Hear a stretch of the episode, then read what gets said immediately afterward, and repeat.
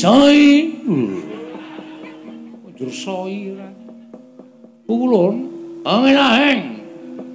Kresna inggih pukulun. Kula ngaturaken sembah pangabekti kula kunjuk. Ulun ampal tampa. Tampa pangestu ulun tampanana. Kula pun dinggo jimat. Eh ya wis kana ndang do mabur. munggah ning kayangan nanging Kakang Semar sampun ngantos kentun wonten ing Madyapada kula aturi sowan wonten ing Lokabaka dasmu. Semar kon mati wae oh anu kayangan Suralaya Kakang Semar. Eh iya iya ayo tak tutke Kakang pukulan Bathara Antrada punapi hati guru. Yama dipati dipejahi saniki ya Bagong.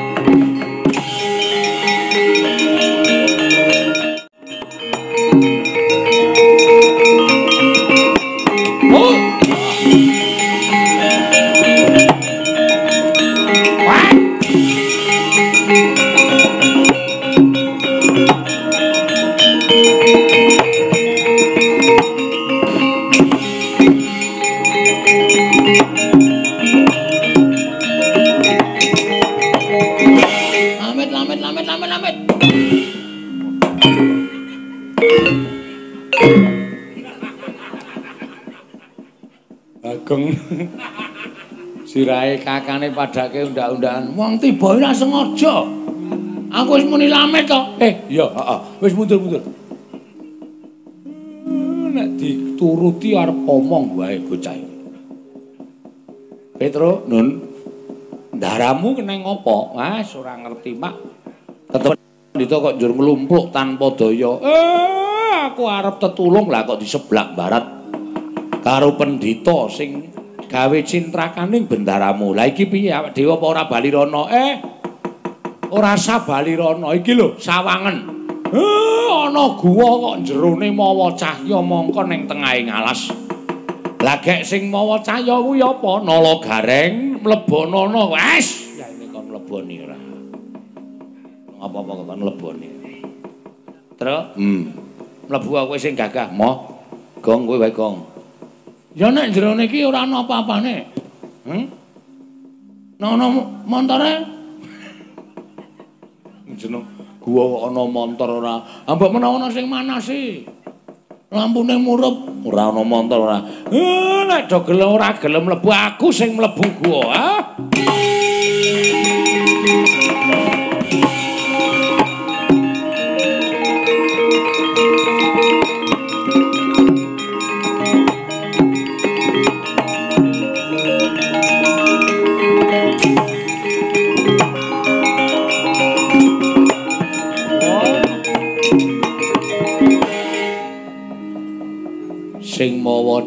Wujuding gendhoga. Gumebyar eh iki sajake dudu nggone titah. Ora ana titah sing duwe gendhoga sing gumebyar kaya ngene. Ha terus Pak? Eh bareng mau tak buka ning jero gua kok isine sandangan telu cacahe. Sandangan telu? Eh iya. Ukurane apa eh kok sik sik aja kesusu. Aku M Pak. Kowe apa, Tru? XL. Kowe apa, Gong? Nek gareng M ya berarti aku S, Tru. S ki cilik banget ki. Nggo ngrukum ndas. Nggo ngrukum ndas, ngrukum ndas ora. Ngomongane ora. Aku ngono, Pak. XXL. XXL double. XXL double. Sajake iki cukup. Eh, wono kawan iki gendaka di papanke nggon semak-semak belukar. Nggih terus sandangan iki nggonen estu napa Pak? Eh iya, aku sing tanggung jawab. Ayo terus. Yo.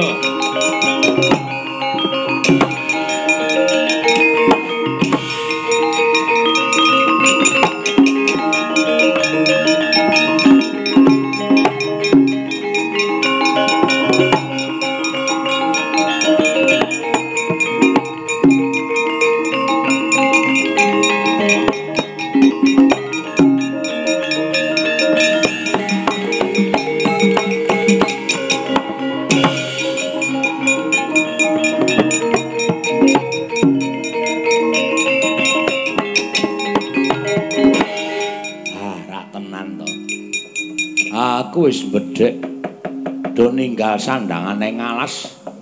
Eh, iki sing nganggo sandangane Narada sapa? Oh, kencang karo dong. Pak pak pong pak pak pong mbok bolong ngali cutri sapa sing gawe? Eh, nek diturut bahasane iki Petro. Iso nirokke suarane sapa-sapa. Lho nyoh. Ya, ya, sing nganggo sandangane Yung Medipati. Eh, eh, eh. Ong petyan kaleludra Mas Patik Raja Dewaku ong ilahen. Nala garing. Eyi kula ing abdipun Yama Dipati. Lah Bagong nendi Bagong? Oh ilahen.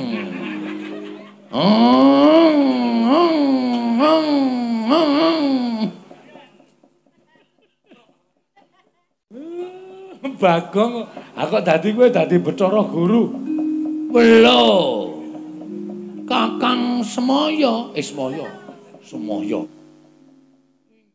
Kakang Terada, Kakang Kaneka Putra. Ah, perkencang waruda yang Pak Pak Pong. Pon api di? Menika kok wonten babi wonten menika. Dapurmu babi.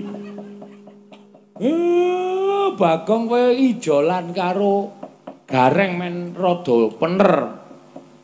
Kepiye? Ijolan karo gareng. Apa kita njaluk ulun cemplungake ana ing kawat candra dimuka semar. Hm wani dawuh karo Bathara guru biologi. Guru biologi iki piye Pak terusan eh iki sing do duwe sandangan ora do ning kayangan lho dene ndi? Aku dhewe ora ngerti. Mula kowe munggah ning kayangan, kowe dadi dewa ning kayangan, mengko ndak ditakokke karo sapa-sapa. Inggih, ngestaken dawuh Kakang Semar. Ulun kondur makayangan, nanging pertanyaan ulun Kakang. Iya. Menapa ulun saged ngambah dirgantara? Eh, kowe nek nganggo sandangane Bathara Guru, mabur ya iso ngopo-ngopo ya iso. Mosok iso? Wah, eh ora guyu. Bathara Guru ora guyu. Ora kena guyu. Inggih sentika kurang alus suarane. Ora kasar kaya ngono kuwi. Coba dijajal. Oh, ngilahen. Kang Semar ukulun Bathara Narada. Unawi di? Ah, niku rada wangun. Yama Dipati kula wonten maring adhawu pulun. Yama Dipati suarane kok kaya nganggo horem. Horem. Horen kok horem ora. Wes ora betah Kakang, gelem yo ngene iki ana yo ngene iki pokoke Bathara Guru ya ngene iki. Eh, ya wis kana ndang do mabur. Munggah ning kayangan. Nanging Kakang Semar sampun ngantos kentun wonten ing Madyapada. kula aturi sowan wonten ing Lokabaka dasmu. Semar kon mati wae oh anu kayangan Suralaya Kakang Semar. Eh iya iya ayo tak tutke. Kakang pukulan Bathara Antrada punapi hati guru. Yama Dipati dipejahi saniki Yama Dipati menika rombongan dhewe kok dipejahi das pundi woi cendeng lali aku monggo minggah wonten ing kayangan Surabaya Nite Argosari. Cekecek jes jes cekecek jes. Men, aja-aja delek arep tanggo hiburan awakku dhewe. Eh, sakarepmu, sakarepmu. Eh, sakarepmu men. Men bening utekmu. Nggih, Kakang Semar. Ulun bidal samenika, Kakang. Eh, iso. Aku nututi karo kowe. Ae, tak kendhau. Pukulun. Bathara Narada, punapi ati guru. Punapi piye? Ditimbali kok punapi? Punapi ki apa ngono? Wah, dewa kok ora. Nggih, mekaten Kakang Semar. Sampun, kula nyuwun pamit Kakang Semar. Eh, sing ati-ati, sing ati-ati.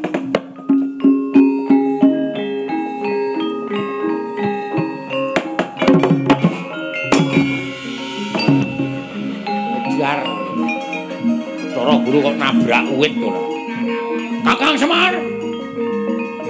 Ditegor. Eh iso. Tak tegore.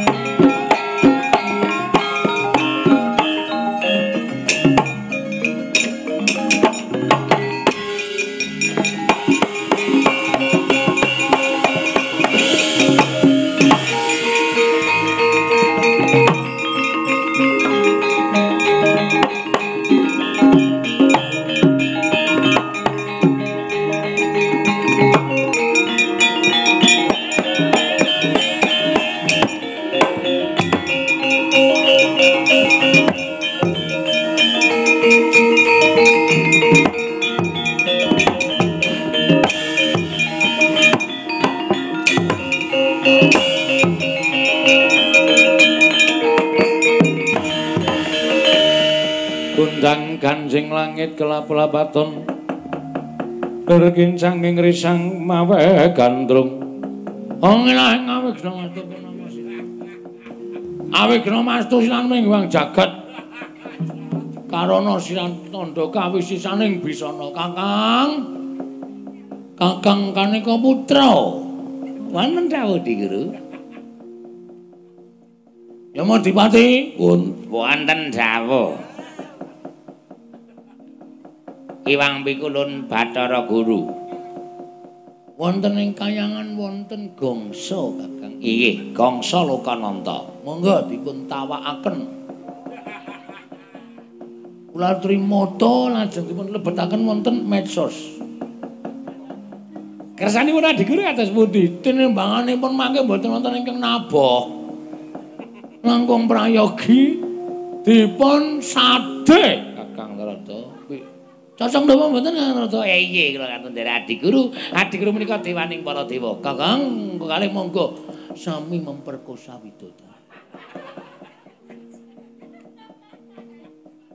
Ben saya Adi Guru menika dewa kok badhe minta ngemalenceng sing angger-angger kautaman. Kakang mboten ngertos. Kula semrep widodari sami mandi. Wonten pundi? Ah wonten Karang Widodari. Amargi mboten wonten-wonten ing nyegat dhateng lampah kula. Ngoten. Kula mlebet wonten ing Karang Kawidodaren Betari Prastiwi. Betari Neti sami siram Betari Orisa ugi siram. Kakang luar biasa. Kula kinten nek sirahe Prastiwi dados gangsal. Jebul sareng kula titi preksa sanes sira Kakang. Menapa di kula piyambak mboten mangertos. Nggih nggih kemambang larangan. Edan tenan. Monggo Kakang dipun tuweni sampun rampung dereng. Mengke kakang kula duduhi mesti. Wah luar biasa. Adi kuri ini buatan kenging atas berkata ini dewa ini buatan kenging. Kakang rata ampun nyata ke tengah wasan dulu di muka iki iki kula kata dere yang mau dipati? Wonten jauh ambilkan jambu di ponirmolo jambu tersono merebut jambu di ponirmolo panganane dewa iki jambu dipun nirmala pelem pertanggapati pertangga jiwa. Pertangga jiwa. Ning sing mateng lho sing mboten mateng niku kecut pertanggapati nggih kecut nggih nggih ngestaken dawuh. Lho kakang. Hawane kok panas? AC kakang AC kayangannya mboten wonten AC kok AC kakang AC Menika gara-gara menapa Kakang tumandu wonten kayangan? Ah, sajaipun badhe wonten titah ingkang minggah wonten ing kayangan. Lho, kurang ajarane. Gugu karepe dhewe. Wani tumindak nerak pacak nerajang perbatang. Sapa sing wonten minggah wonten ing kayangan Kakang badhe kula patrapi pidana. Mboten ngomongaken menika para satriya brahmana, para ratu nadyan sinten ingkang minggah wonten ing kayangan ganggu gawe anggen kula sembayangke widodari sami adus mau kula patrapi paukuman kanggen Bathara Guru nggih. Kakang? Wonten dawuh. Gumun kula Bathara Guru kok mboten beto kapur. Nyun ngambil penghapusipun lan kapuripun kang guru nyawat yama dipati waduh waduh. Menika janjanipun pripun to Kakang? Wantarada dados kayangan mosak masih kados mekaten. Kakang padoske kloso lajeng pijet. Tangan kula sing sedakep niki pun keju. Pun dina sedakep terus Kakang. Wah, bingung aku ngadeni Bathara Guru kok omongane ting celebung ora karo-karoan kaya kene.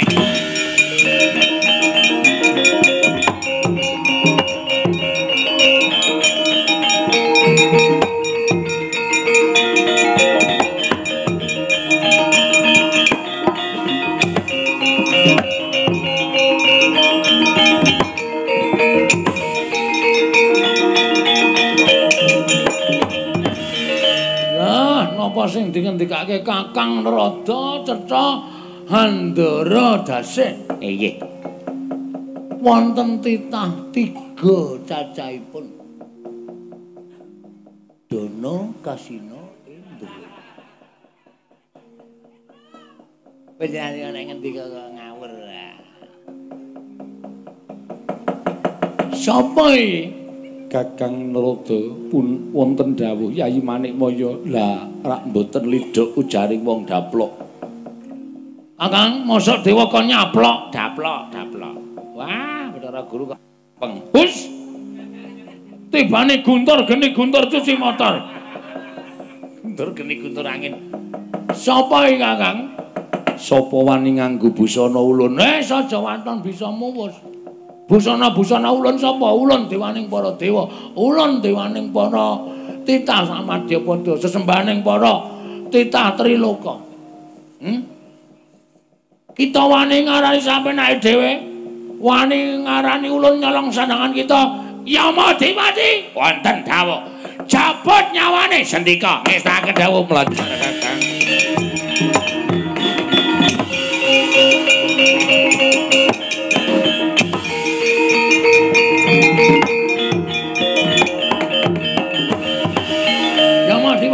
wonten dawuh. Masurene sesuk ana didhawuh iki cek kacakan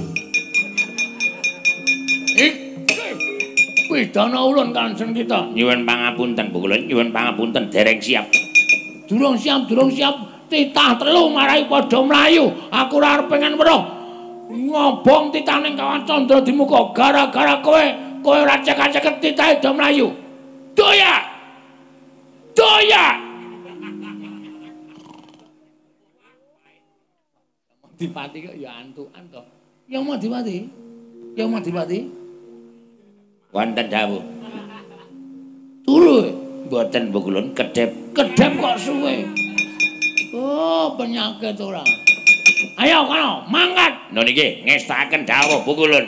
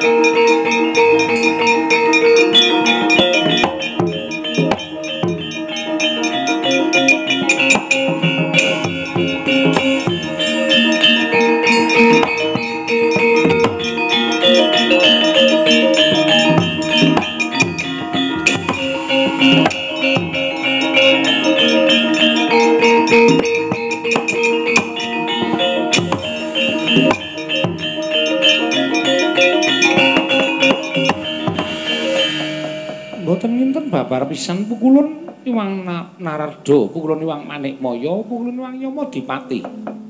Monggo kanthi badan alus kados mekaten. Kresna kita weruh lawan ulun. Inggih, kula sumerep pukulun. Kresna nggon ulun mlayu-mlayu awit ulun ngelekake atmaja kita si Antasena nggone jabal negara Ngastina. Samengko wis bisa padhang kanan Ngastina. Ya mung ulun ingkang mimba pandhita Kakang Rada Mimbo Nalindra, Yama Dipati Mimbo wujuding yaksa. Sandangan ulun ana ingkang nyolong. Lho, busana kadewatan. Iya, Kresna. Monggo, ratri papan pados papan ingkang sekeca. Mangke tiyang-tiyang nyolong busana panjenengan kula ing badhe ngajar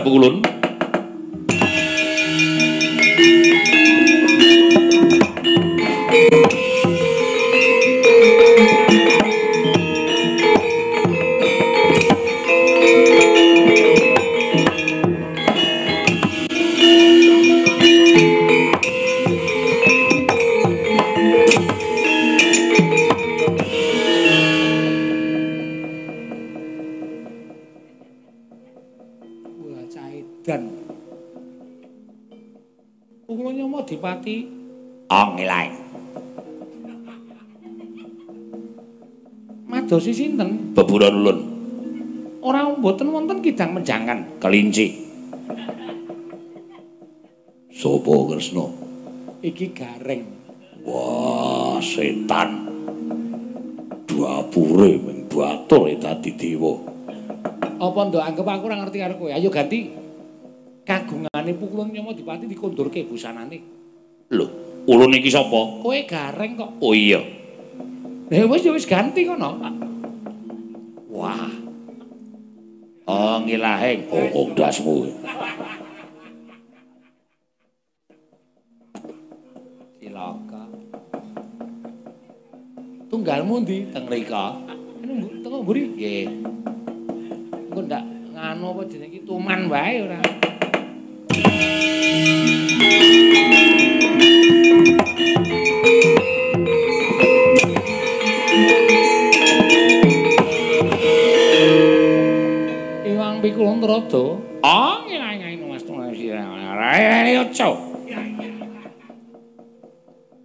Madosi sinten? Ah, goleki peburan ulun mboten wonten kidang menjangan. Pukulun Narada Petruk laturi gantos. Lho. Kok kita ngerti? Inggih, ulun ngertos. Kula ngertos. Ulun iki aku wae kita aja muni ulun. Inggih, kula ngertos Bu Kulun. Nah, ya wis. Ya ngono ya balekake sandangane. selak mengko larang siwan-siwane inggih monggo ora turu ngunduraken ya ya kresna ngestake dawuh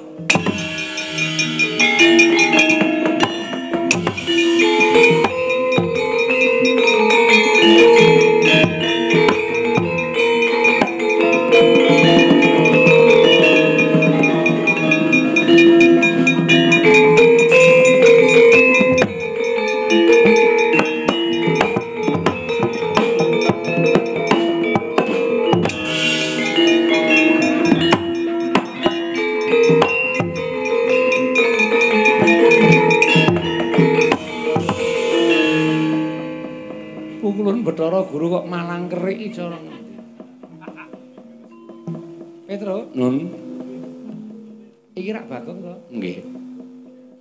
Aneh-aneh nganggo sandangan Bathara Guru. Soi. Ujur soi ra. Pukulun, angin-aheng.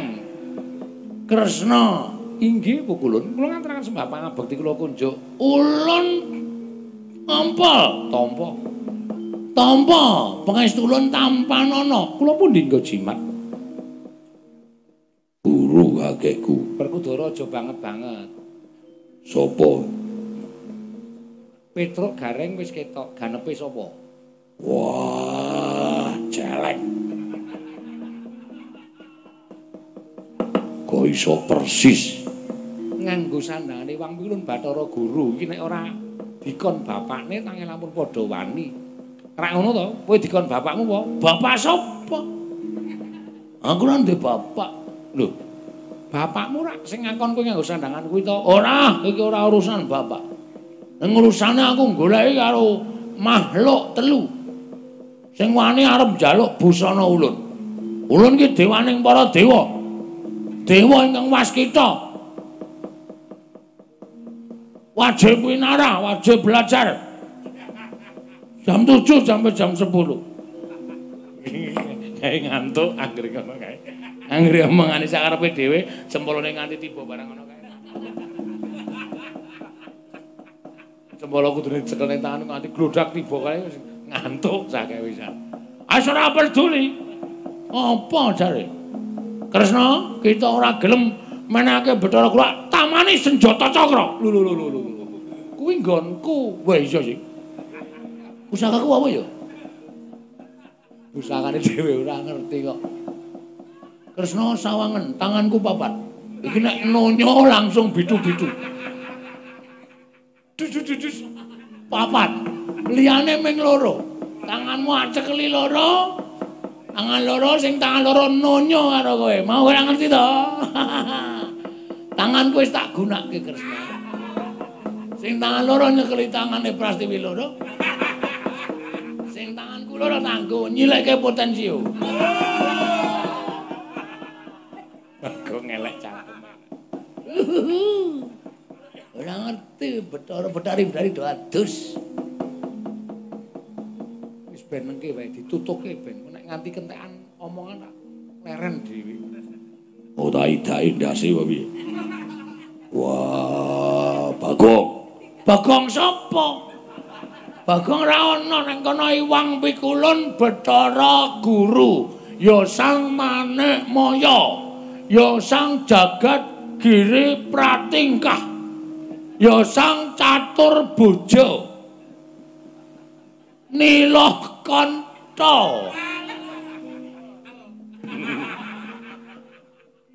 Ya Sang Hyang Purwakanda, ya Sang Hyang Purwacarita.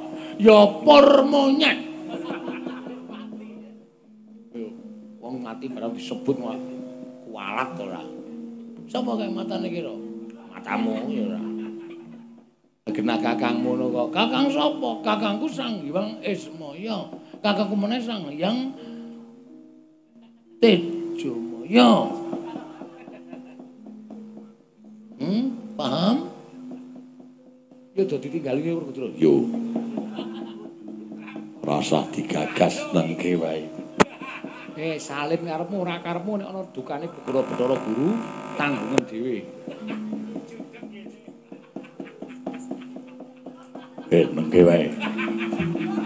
Yo terus yo tinggal ku ndak. Asu. Tinggal dhewe nang kene. Yo, salin dhewe aku.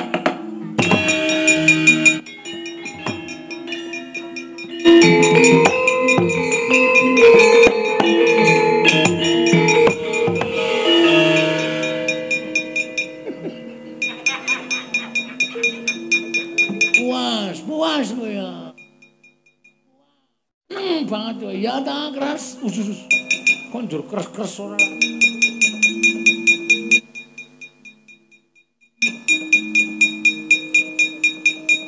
Bagong, eh? Bagong dengkulmu melocot.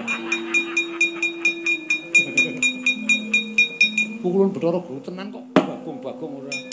Bagong Sembrono. Wah, wis. Wah, tilaka nyandang delik sandangan naning awas ya konangan.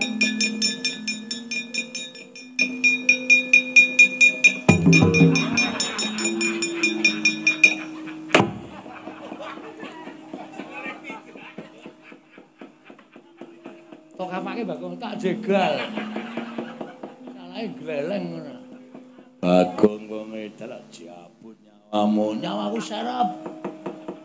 Ora bakal aku tekaning pati. Pukulun ngaturaken panuwun Yaya Kresna. Saiki aku dawuh karo kita. Inggih. Ngastina wis padhang Antasena wis bali marang Praja Ngamarta. ya mung tantrimane Kurupati utawa Duryudana wae mangsa Barunga. Oh inggih, ngaturaken panuwun tanpa pukulun. Ulun kundur makayangan. Inggih pukulun.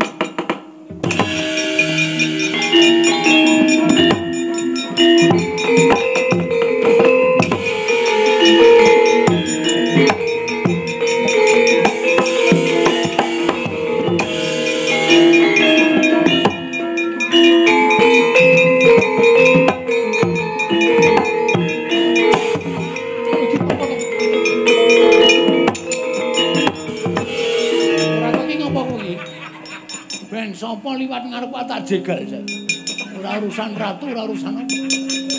Wong kersa ora apa-apa kok. Sikile mburi digeret. Nganti krungkep sak penake dhewe ora. Werkudara oh waduh yuk bagong edan. Ngapa gong? Sapa-sapa tok jegali? Manau dendam dadi Bathara Guru ora entuk ora.